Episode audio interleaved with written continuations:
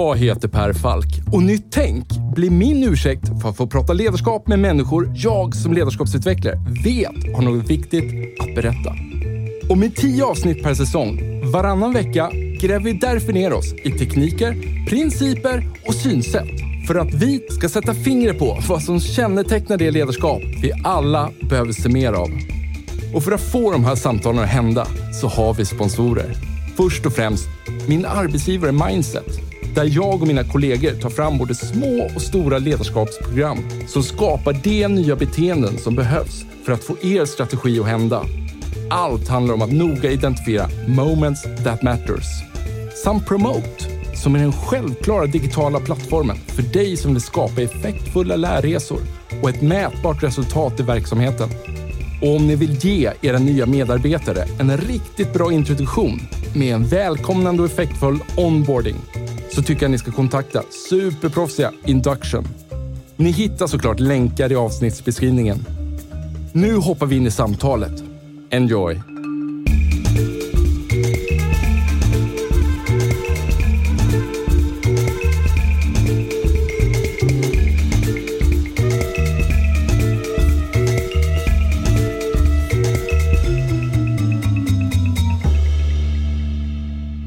Alltså vad börjar man där då? Har, har du några tankar kring? Hur börjar, för, för om, om, man märker nu då så att ja, men vi, vi, kan konstatera att så här, men det finns en stor... Vi måste använda oss av feedback, förmodligen för att utveckla vår verksamhet. Och Det finns en inbyggd potential där. Men den potentialen kommer inte riktigt fram på arbetsplatserna. Och det verkar som vi ska börja med feedbackmiljön. Liksom. Vad fasen börjar man där? Ja, då, det är ju en rätt skulle... tung uppgift. Ja, liksom. det är det. Jag tänker att Eh, precis som med de flesta problem så behöver vi börja med att göra någon form av nulägesinventering och veta vart står vi eh, och vart har vi då med utgångspunkt i det störst möjlighet att, eh, att förbättra eller utveckla. Och ett första steg skulle ju då kunna vara att samla en grupp individer och så göra någon form av analys avseende dimensioner av feedbackklimatet. Mm. Så till exempel bedömer vi i vår grupp att vi eh, regelbundet eh, har tillgång till varandras eh, feedback. Bedömer vi, och man kan ju göra det här med hjälp av någon standardiserad enkät. Det kan man, om man luskar rätt på i forskningen så kan man säkerligen hitta enkäter som är validerade för att mäta feedbackklimat. Mm. Finns det tillgång till feedback? Bedömer vi... Att... Du, du kanske kan förse mig med en sån? Ja, det kanske Om du vet att det nästa, finns där. mitt nästa koncept. Ja, men precis.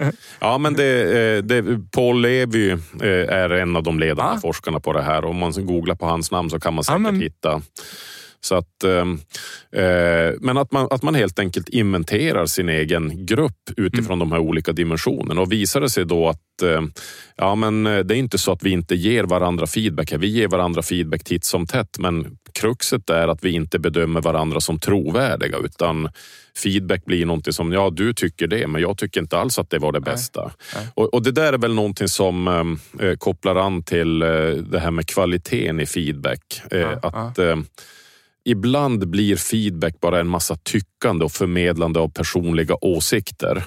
Och eh, människor tycker ju saker och ting.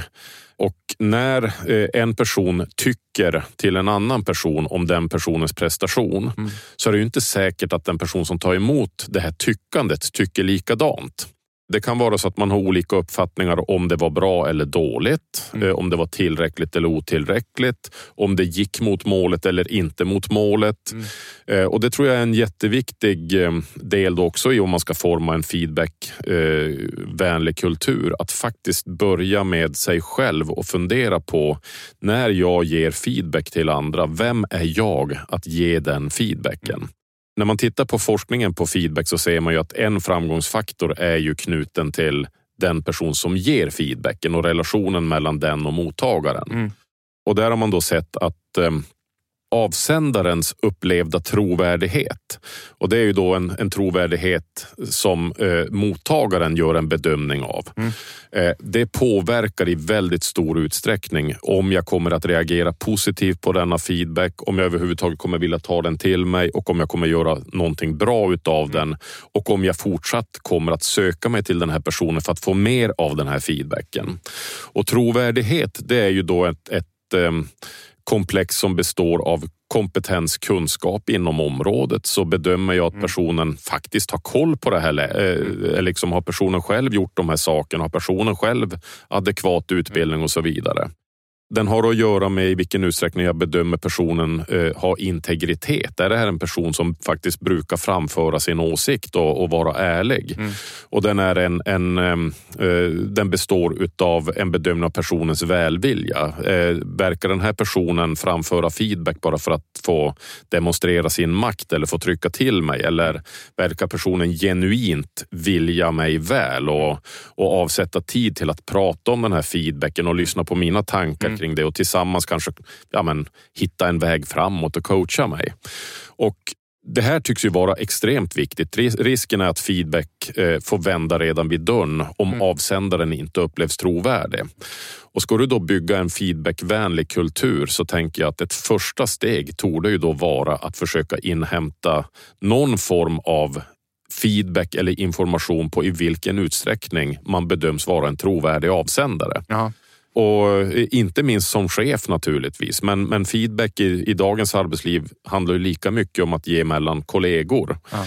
Och det är ju en svår och känslig fråga. Men jag tänker att det är kanske där man måste börja och fundera på, litar vi på varandra? Ja. Litar vi på den information? Nu tänker jag på psykologisk trygghet som Exakt. ett begrepp här då. Exakt, ja. Eh, och, och, det har ju faktiskt, även om det inte har forskats... Kanske, kanske en, liksom en nivå nedanför feedbackvänlig miljö då? Liksom att, ja, att eh, den psykologiska eh, tryggheten måste komma på plats, kanske då för att skapa feedbackvänlig miljö. Ja, eh, och, eh, och den har ju att göra med, vågar vi säga till varandra vad vi tycker och tänker?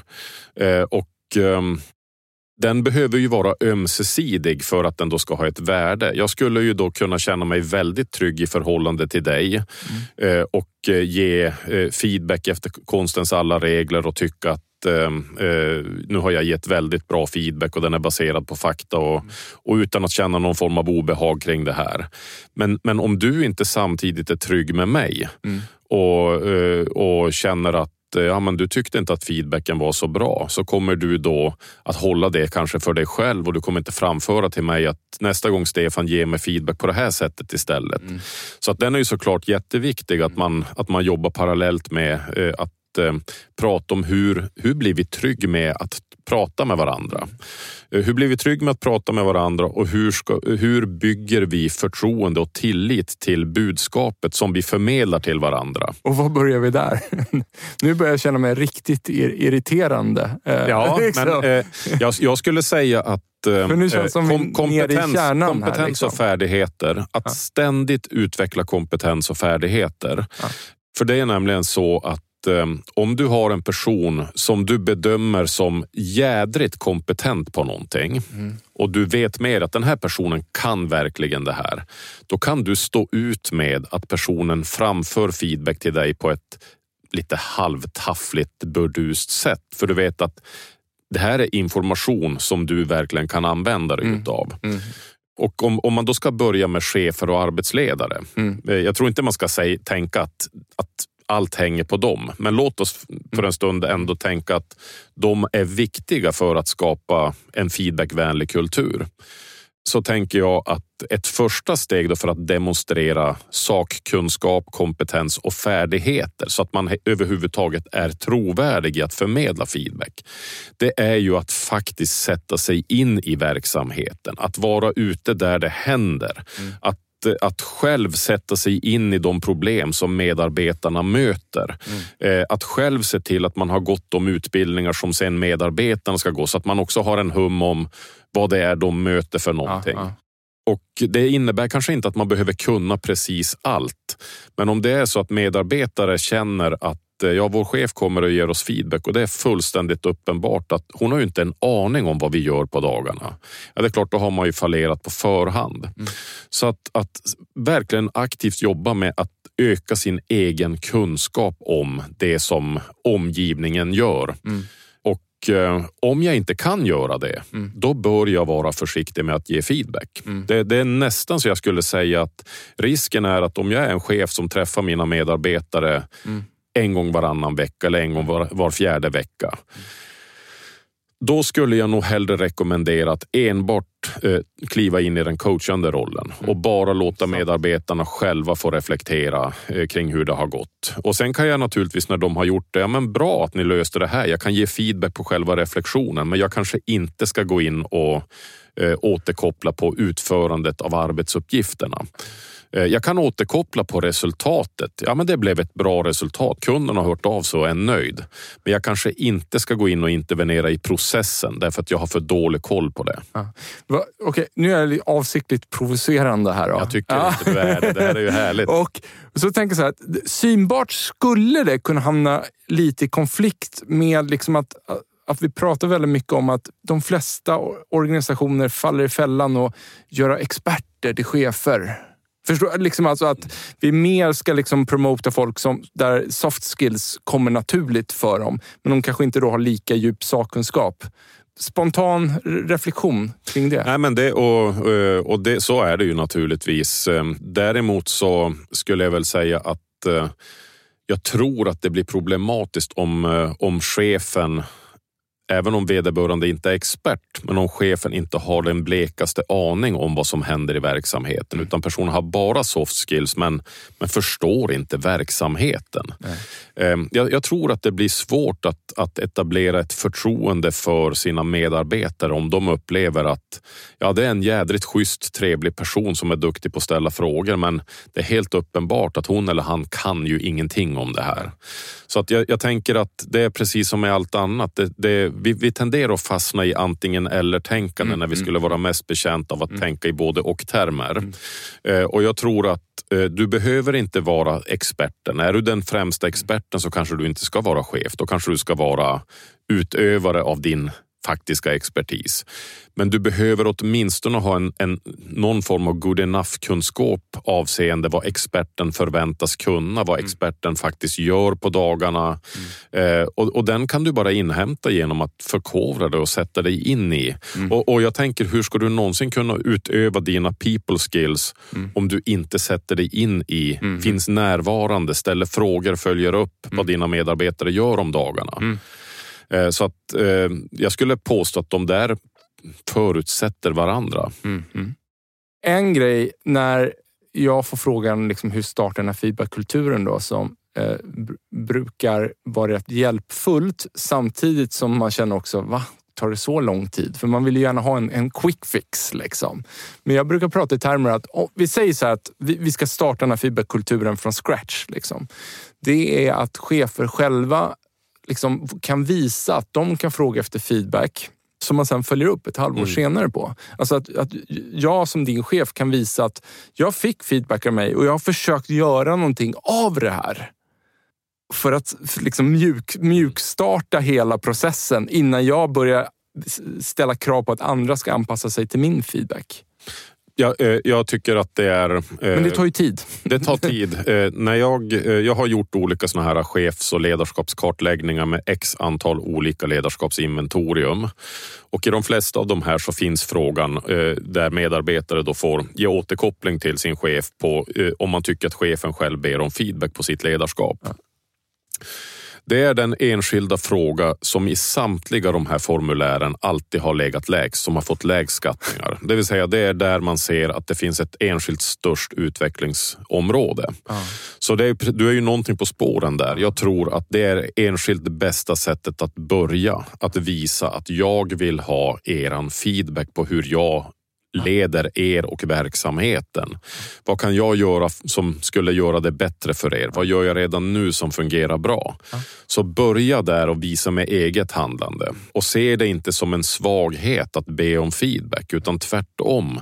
Det är ju ett sätt att visa att jag, jag vågar stå för ett beteendemönster som jag hoppas att ni också ska känna er bekväm i. Mm, mm. Att be omgivningen om feedback. Mm, mm. eh, och Det finns en term som kallas för feedbacksökande mm. som egentligen skulle jag säga kanske är mer intressant än feedbackgivande eh, och som man har forskat jättemycket på de senaste decennierna. Det vill säga individers eget aktiva sökande efter information återkoppling från omgivningen. Mm.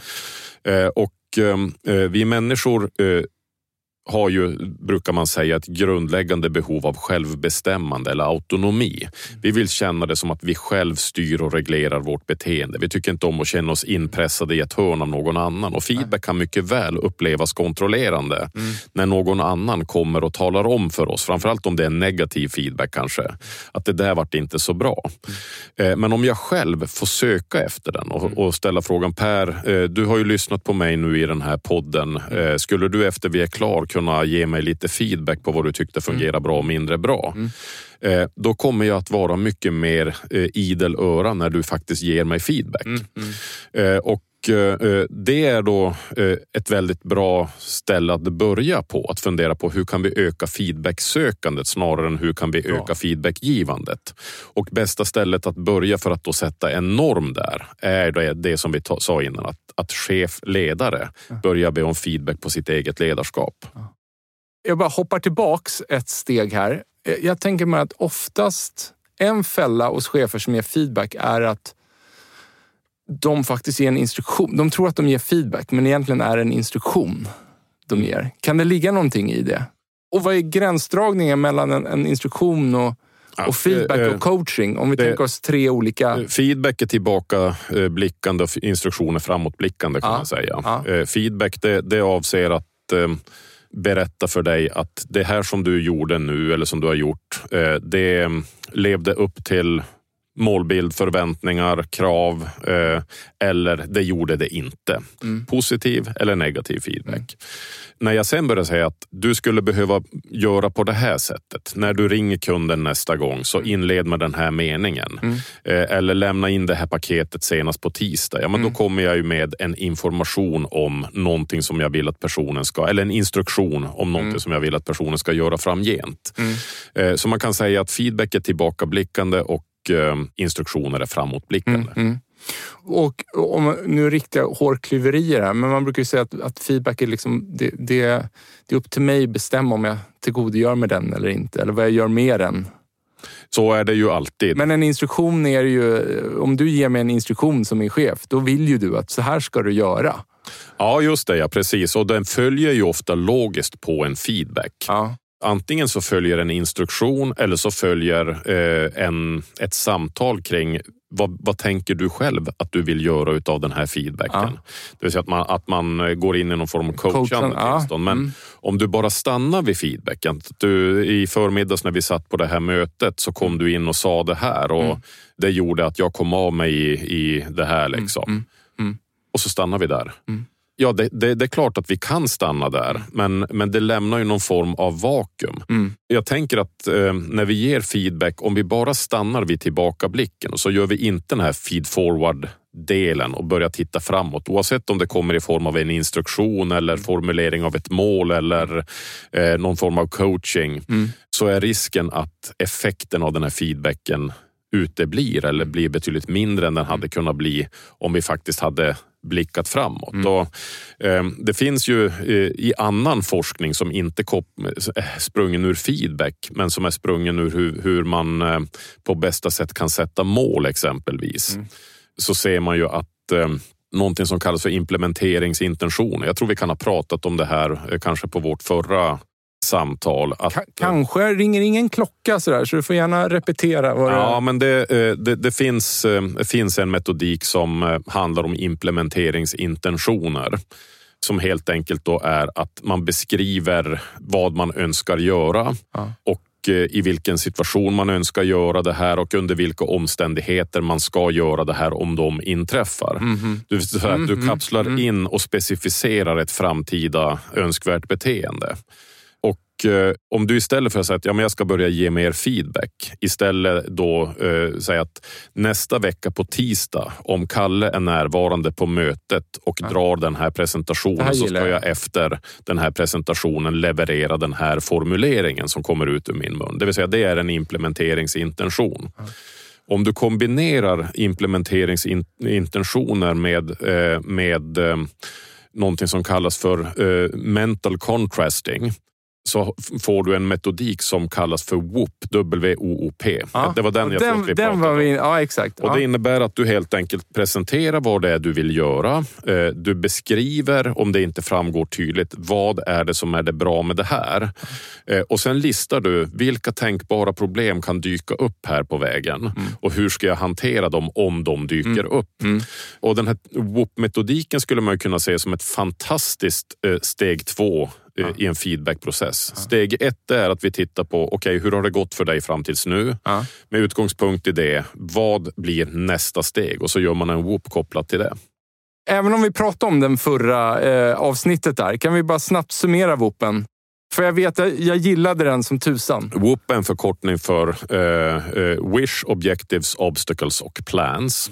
Och det är en, uh, jag tror hon är tyska, en professor i psykologi som heter Gabriel Oettingen mm. som har forskat på, på den här metodiken ja. och, och erhållit bra stöd. för Och det är en coachningsmodell, kan man Ja, det, kan man du kan använda den i ett coachande samtal, men du ja. kan jobba med den på egen hand ja. också. Hon har till och med utvecklat en digital app, en kostnadsfri app där man, mm. liksom, ja, men man blir coachad av appen möjligen. Liksom. Men, men eh, eh, du kan definitivt använda den eh, och bygga ett coachande samtal kring strukturen. I mångt och mycket skulle jag säga att vedertagna coachingmodeller är uppbyggda kring liknande strukturer.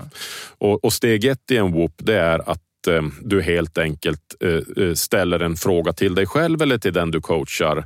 Vad önskar jag uppnå framöver mm. inom det här området, i min relation eller med den här kunden eller med den här medarbetargruppen eller vad det nu än är. Mm. Mm. Vad är det jag vill ska hända? Vad är liksom någon form av målbild mm. som jag har framför mig?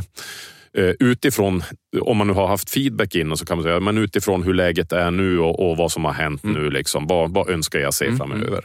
Den här kombon gillar jag. Ja, den blir ju väldigt kraftfull. Mm. Ehm, och eh, därefter så är nästa steg det är att man stannar upp och verkligen reflekterar kring vad är de bästa konsekvenserna om den här målbilden nu förverkligas? Mm. Eh, om jag nu eh, tar det här samtalet med Kalle och ger honom den här återkopplingen och mm. förklarar för honom det här. Det som min förhoppning är, det är att det kommer göra att Kalle har en bättre möjlighet att att eh, hantera de här situationerna, vilket kommer göra att Kalle mår och trivs bättre mm. på sitt jobb. Mm. Och eh, att liksom stanna upp och verkligen fundera över vad är de positiva konsekvenserna? Det är steg två i en WOP. Det första är att liksom lista målbilden, sen vad är de viktigaste konsekvenserna så som jag ser det. Mm. Steg tre det är då obstacles, hinder och problem. Mm. Vilka är de eh, sannolika eh, hinder som kommer att försvåra för mig att förverkliga eller uppnå den här målbilden? Mm. Och det kan ju vara hinder hos mig själv att ja, men det känns jättebra just nu, men när jag sitter där och är stressad och Kalle kommer in så kommer jag kanske att tappa tråden eller jag kommer mm. tycka det känns lite obehagligt att göra den här feedbacken. Mm. Mm. Eller ehm, eh, det kan mycket väl bli så att eh, Kalle inte dyker upp eller att eh, jag kommer behöva vabba. Mm. Alltså, det, alltså, olika saker händer ju som mm. sätter grus i maskineriet. Och Det här är ofrånkomligt, men vi lägger allt för ofta för lite vikt vid att faktiskt på förhand mm. liksom spalta upp olika typer av problem och hinder. Mm. Och Vad är värdet av det? då? Eh, ja, värdet kommer då eh, eh, i nästa steg egentligen. Det är att göra då implementeringsintentioner, om så planer för varje enskilt hinder. Så att om Kalle inte dyker upp, mm. då kan jag ju faktiskt höra av mig till Kalle efteråt och boka ett specifikt möte med honom. Mm. Om det är så att jag behöver vabba den här dagen så kan jag väl även då exempelvis mejla Kalle och säga att kan vi ses när jag kommer tillbaka och diskutera mm. det här? Mm. Mm. Om jag skulle bli nervös, ja men då kanske jag eh, ska ha någon form av reminder till det här samtalet eh, i form av att jag har en liten lapp som jag har skrivit med att det är okej okay att vara nervös och göra det här ändå. Mm. Mm. Det vill säga att man, att man gör någon form av konkreta actions för att förebygga eller hantera de här olika typerna av hindren som kan uppstå. Mm. Mm. Och när du gör den typen av om så-planer så, så tycks vi i större utsträckning vidta de åtgärder som för oss mot våra mm. mål. Mm. Och det här i sig blir ju sen ett ett, eh, ett underlag för ett nästa feedback-loop och nästa whoop-loop. Så att då, om det här är någonting som jag har berättat om för min coach att jag ska göra, så kan ju jag då om en vecka sitta med min coach och så tittar jag, ja, men vad var det som var ambitionen med mm. vårt samtal förra gången? Mm. Du satte det här målet och... och det är ju en sorts handlingsplan. Ja, det blir precis. Det mm. blir en after action review kan man säga där personen då själv får reflektera kring vad var målet? Blev det så bra som jag hade tänkt mig? Vad mm. blev utfallet? Vad gick bra? Vad gick mindre bra? Mm. Dök något av de här hindren jag hade föreställt mig, dök de upp? Hanterade jag det? Dök det upp någonting annat mm. som jag inte hade förväntat mig? Hur hade jag kunnat hantera det på ett annorlunda sätt? Så att det blir ju en väldigt bra här, loop med nya målsättningar, nya reflektionsfeedbacksamtal, nya målsättningar, nya reflektionsfeedbacksamtal som man mycket väl skulle kunna använda i en arbetsgrupp mm. mellan kollegor eller med chef-medarbetare. Mm som strukturerad coaching. Och jag tror inte man skulle se det som feedback då, utan nej, du skulle mer se nej, men, det som... Eh, och där tror jag är nyckeln till den här feedbackvänliga miljön som vi pratade om tidigare. Att inte använda ordet feedback så mycket. Utan bygga mekanismer där vi ger feedback utan att liksom reflektera att det här är ju feedback. Absolut, och, och, och det är jätteviktigt att komma ihåg att orden som sådana är ju ganska Alltså de spelar ingen roll, nej, utan nej. det är ju den underliggande företeelse som ja. ordet avser att så att säga belysa eller beskriva. Det är ja. den som är det viktiga. Ja. Ja. Utan det är det faktiska beteendet som vårt språk och vårt beteende gentemot varandra lockar fram. Ibland tror vi att vi fångar saker med, med siffror, staplar, procentsatser och ord. Eh, men det är ju våra beskrivningar av verkligheten. Det är inte den riktiga verkligheten. Eh, och det tänker jag också med feedback. Vi får inte vilseledas och tro att bara för att jag gör en person uppmärksam på att hon eller han har gjort ett, ett arbetsmoment på ett bra eller mindre bra sätt eh, och att hon eller han säger tack för feedbacken, nu ska jag göra någonting åt det här. Det är inte ett likhetstecken med att personen faktiskt kommer att göra någonting åt det här. Du, eh, jag, jag pepprar dig vidare här ja. för att få ut det mesta av samtalet. Och kanske blir lite logiska hopp här, men, men så här, jag bara tänker så här eh, man pratar ju ofta, liksom, alltså, det är viktigt liksom att eh, du vet, blanda, eh, liksom, det ska vara mer positiv feedback än, än utvecklande feedback. Ibland hör man om hamburgermodellen och allt möjligt. Vad, vad är din spontana kommentar här? Jag tror att det finns det forskning på att folk reagerar mer positivt på positiv feedback än på negativ feedback. Ja. I Klugers metaanalys kunde man se det och man, man kunde också se att det i genomsnitt hade faktiskt en större eh, positiv effekt på efterföljande prestationer. Mm. Eh, däremot på ett mer logiskt plan så har negativ feedback egentligen en större större betydelse för våra prestationer. Därför att den ger oss idéer om hur vi kan förbättra, utveckla, justera, förändra. Mm. Och så länge den negativa feedbacken kommer naturligt från interaktion med vår fysiska omgivning så har den gissningsvis väl så stor betydelse som den positiva feedbacken. Men när den sker mellanmänskligt mm. så tycks det vara känsligare med negativ feedback. Mm. Mm. Och eh, då finns det ju då en hel del studier där man har sett att när människor gör saker och ting tillsammans i privata relationer såväl som i arbetsgrupper så eh, tycks det oftast vara betjänt för deras samarbetsförmåga att det tycks råda någon form av positiv obalans. Det vill säga det tycks vara lite mer av positiv interaktion, lite mer av positiva kommentarer. Man har ibland satt upp liksom någon form av kvot att det ska vara två till tre gånger mer. Eh, den där får man väl ifrågasätta, men jag tror att generellt överlag så tycks vi vara betjänta i sociala sammanhang av att det är lite mer positivt. Mm. Jag tror inte på hamburgermetoder där man liksom eh, mekaniskt i ett och samma samtal börjar med lite positivt för att sen ge en, en svidande salv och sen avsluta med lite positivt. Utan jag tror att man ska se det mer över tid. Eh, liksom att eh, över tid så tenderar vi att ge lite mer av eh, positiv feedback på människors prestationer. Framförallt på, ehm, eh, man, man, kan egentligen säga att det finns två kategorier. Eh, det här är intressant ja, här. Kör, kör. Eh, det finns två kategorier av feedback. Det finns feedback på resultatet av prestationer och det finns feedback på själva utförandet eller processen. Ja. Hur man utför saker och ting. Positiv feedback har bäst effekt när den ges på utfallet. Det där blev jättebra. Ja. Kunden var jättenöjd. Du lyckades jättebra. Negativ feedback på på utfall. Eh, det, den bör vi undvika i största möjliga ah. mån. Vi tycker inte om när vi redan har levererat ett resultat. Vi har förlorat matchen, kunden var missnöjd. Vi tycker inte om att få den typen av information, framför allt om den kommer från någon annan.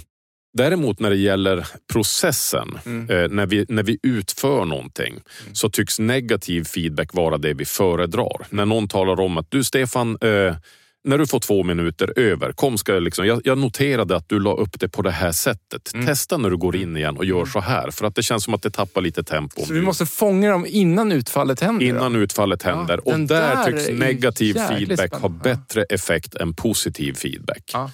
Så positiv och negativ. En, en generell kanske obalans åt det positiva men är den processorienterad kanske lite mer negativ. Ja. Sen för att ytterligare komplicera det. Ja. Mottagaren av feedback har också eh, väldigt, det är 50 procent av utfallet i en feedback har personen en låg självkänsla exempelvis mm. så kommer personen ha svårare att ta emot negativ feedback mm. än om personen har en god självkänsla. Mm. Om personen har ett gott självförtroende i förhållande till det som han eller hon utför mm. så kommer personen lättare kunna ta åt sig av negativ feedback. Mm.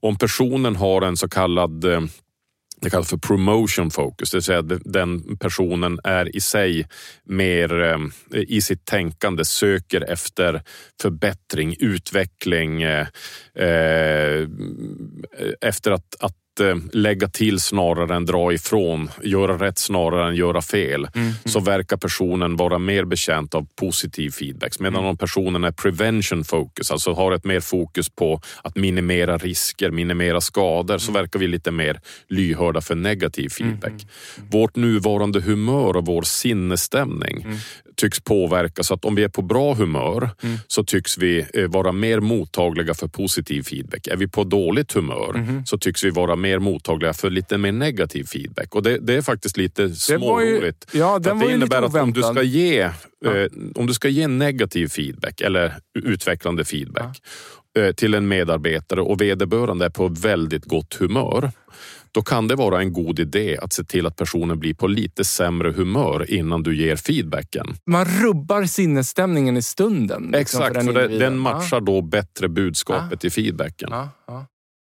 Jag hoppar vidare då. Ja. Vi har ju varit inne på det flera gånger, men, men bara, om vi bara behandlar positiv förstärkning som, mm. som ett ämne. Mm. Ja. Vad har vi på positiv förstärkning? Ja, positiv förstärkning det är ju en, en term som är hämtad från eh, behaviorismen och beteendeanalysen och, och den har ju en hel del likhetstecken med feedback. Eh, men feedback det är mer information som förmedlas till någon annan som kan vara positiv eller negativ. Mm.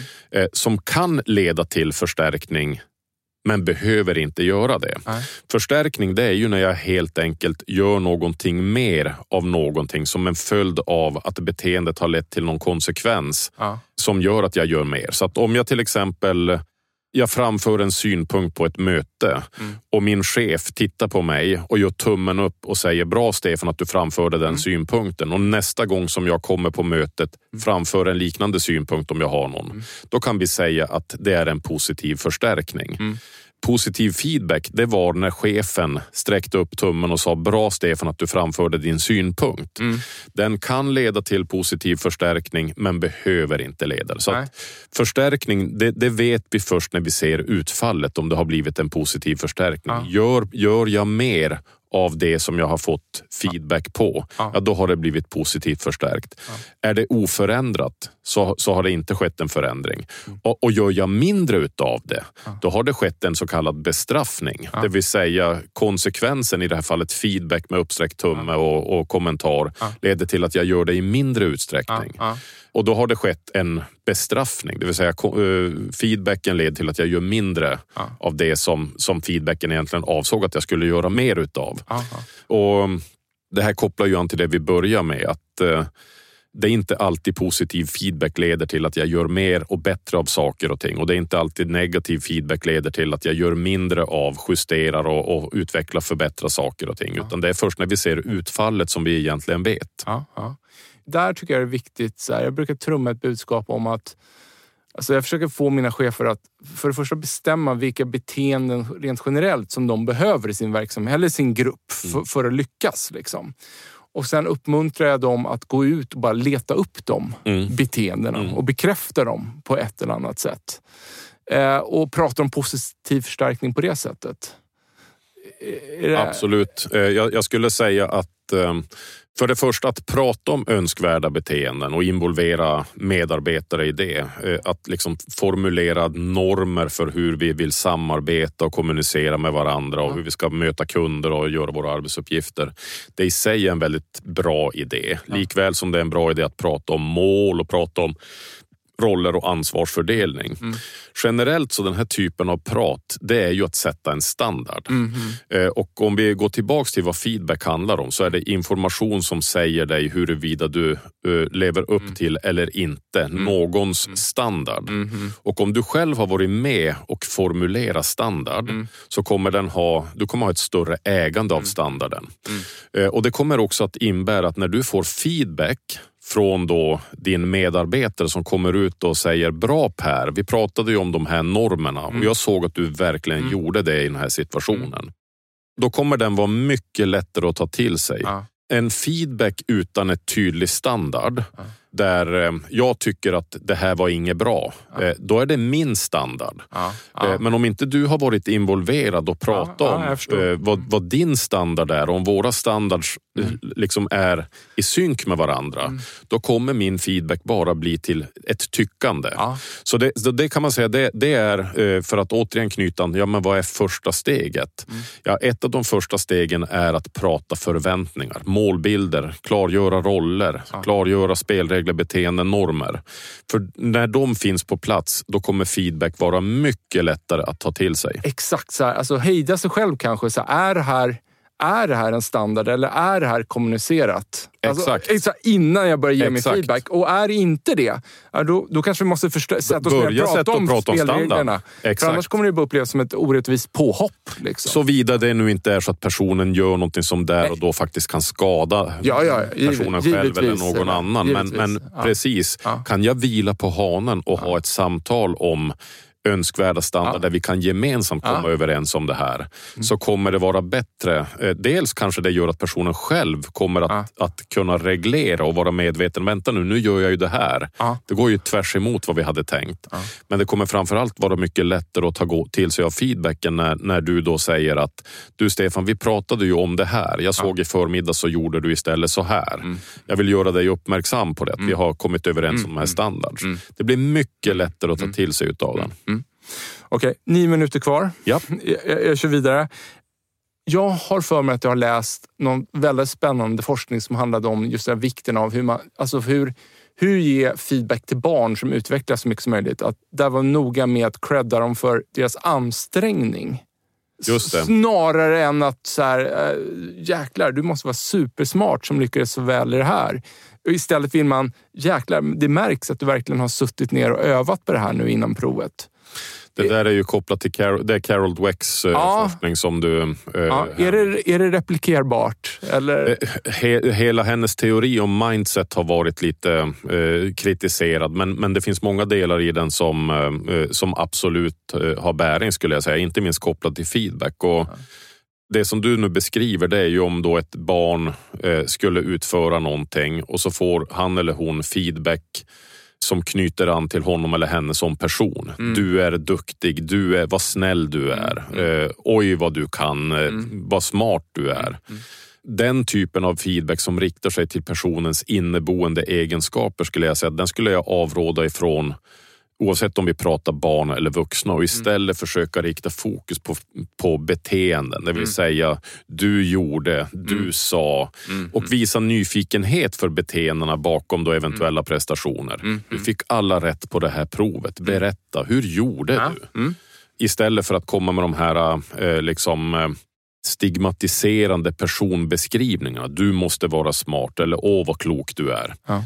Därför att eh, vår personlighet kan vi inte... Alltså, våra personliga egenskaper, de är vad de är. Vi kan inte göra så mycket åt dem. Utan ja. Det är bättre att vi liksom styr fokus mot våra påverkbara beteenden. Ja. Ja. Som vuxen kan vi möjligen värja oss från den här personbaserade feedbacken i större utsträckning. Medan som barn så kan vi anta att de, de tar ju mm. åt sig och registrerar och, och, ska ju någonstans bilda någon form av uppfattning om vem de är och mm. Mm. Eh, vem de är i förhållande till andra. Om de ständigt matas med den där typen av personbaserade återkopplingar mm. så finns det såklart då en risk och det är ju det som Dweck's forskning bland annat går ut på att, att de väldigt mycket kommer att eh, anamma ett synsätt som handlar om att om jag inte presterar så är jag inte bra. Ja. Alltså väljer jag uppgifter där jag inte riskerar att misslyckas. Ex exakt, så de blir lite tillbakalutade där. Exakt. Ja. Det är väl hon som stod bakom hela grit Nej, det, är, Eller det finns ihop. likheter. Det är Angela Duckworth. Ja, just det. Just det. Jag blandar alltid ihop Men de här det, fin, två. det finns så himla mycket överlapp mellan de här eh, teoretiska modellerna. Eh, så att eh, vi kan anta att har du ett så kallat sån här fix, nej inte fixed mindset utan incremental mindset. Growth. Du, growth mindset. Ja. Så kommer du då i större utsträckning att fortsätta försöka på nytt för du förstår någonstans att det har att göra med att jag inte har använt eller anammat korrekt beteende så här långt. Nej, nej.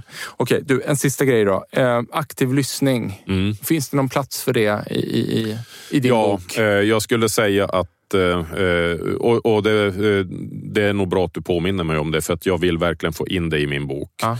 Jag skulle säga att det mesta börjar med det. Ja. Och väldigt, väldigt mycket av vårt mänskliga beteende är vi ju skapligt medvetna om själv. Mm. Och när jag möter en person som genuint lyssnar på mig så blir jag ju mer öppen för att själv reflektera kring mitt beteende och sätta ord på det. Mm.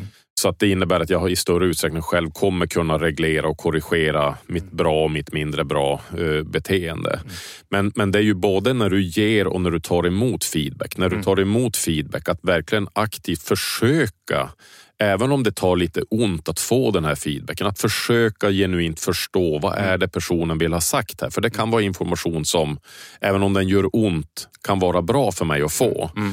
Och samma sak när du ger feedback, att du verkligen när personen ska svara på feedbacken mm. och, och eh, ja, men kanske gå i försvar eller komma med mm. ursäkter. Mm. Inte bara slå undan det utan aktivt lyssna då även mm. på försvaret och ursäkterna mm. innan du tar till orda på nytt och säger eh, att eh, eh, Ja, men nu hörde jag att du sa så här. Skulle det kunna vara så här? Mm. Så aktiv lyssning skulle jag säga, den är extremt viktig. Har du några hacks där?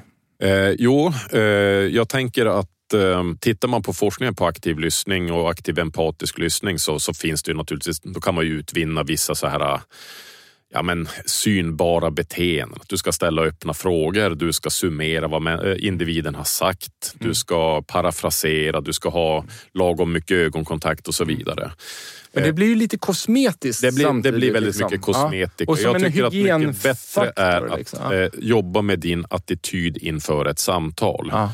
Och öva i korta sekvenser på att att sitta i samtal, det här kan man öva med vem man än möter. Att förstå världen med mot, motpartens ögon. Mm. Och Jag brukar säga att det bästa sättet att öva på det är att försätta sig i en situation där man är stressad. För när vi är stressade är det svårt att lyssna. Mm. Mm. När vi gärna är på lite dåligt humör, för då är det svårt att lyssna. Mm. När vi ska eh, prata med någon som vi inte tycker så himla mycket om mm. och som har radikalt annorlunda åsikter än oss själv. Mm. Och vad kan då vara bättre sätt att öva på sitt lyssnande än att söka upp en sån person som vi mm. inte tycker om, som tycker helt annorlunda än oss själv. När vi är på lite dåligt humör och är lite stressade. Ja och aktivt, genuint försöka se på världen med den personens ögon. Ah. Jag tror att det får bli de avslutande orden här. Bra improvisationspoddat. Outtömlig källa till kunskap. Ja. Det var spännande att improvisationspodda, eh, måste jag säga. ja, du, stort tack för att du återigen kom förbi. Och så här, även om boken då inte är på plats än, vi får skjuta den längre fram när den är på plats, men vi slänger in ändå lite lämpliga länkar här till dig i eh, podcastbeskrivningen på det här avsnittet. Vad bra. Ja. Och jag lovar att återkomma när boken finns. Ja, men bra. Återigen, stort tack Stefan. Tack Per. Klara. Shit vad snabbt det gick alltså. vi satt ju en timme, alltså samtidigt tog det en timme och 45 minuter här. Hörni, tack till våra sponsorer. mindset, promote samt induction för att ni tror på den här produktionen. Ta hand om er.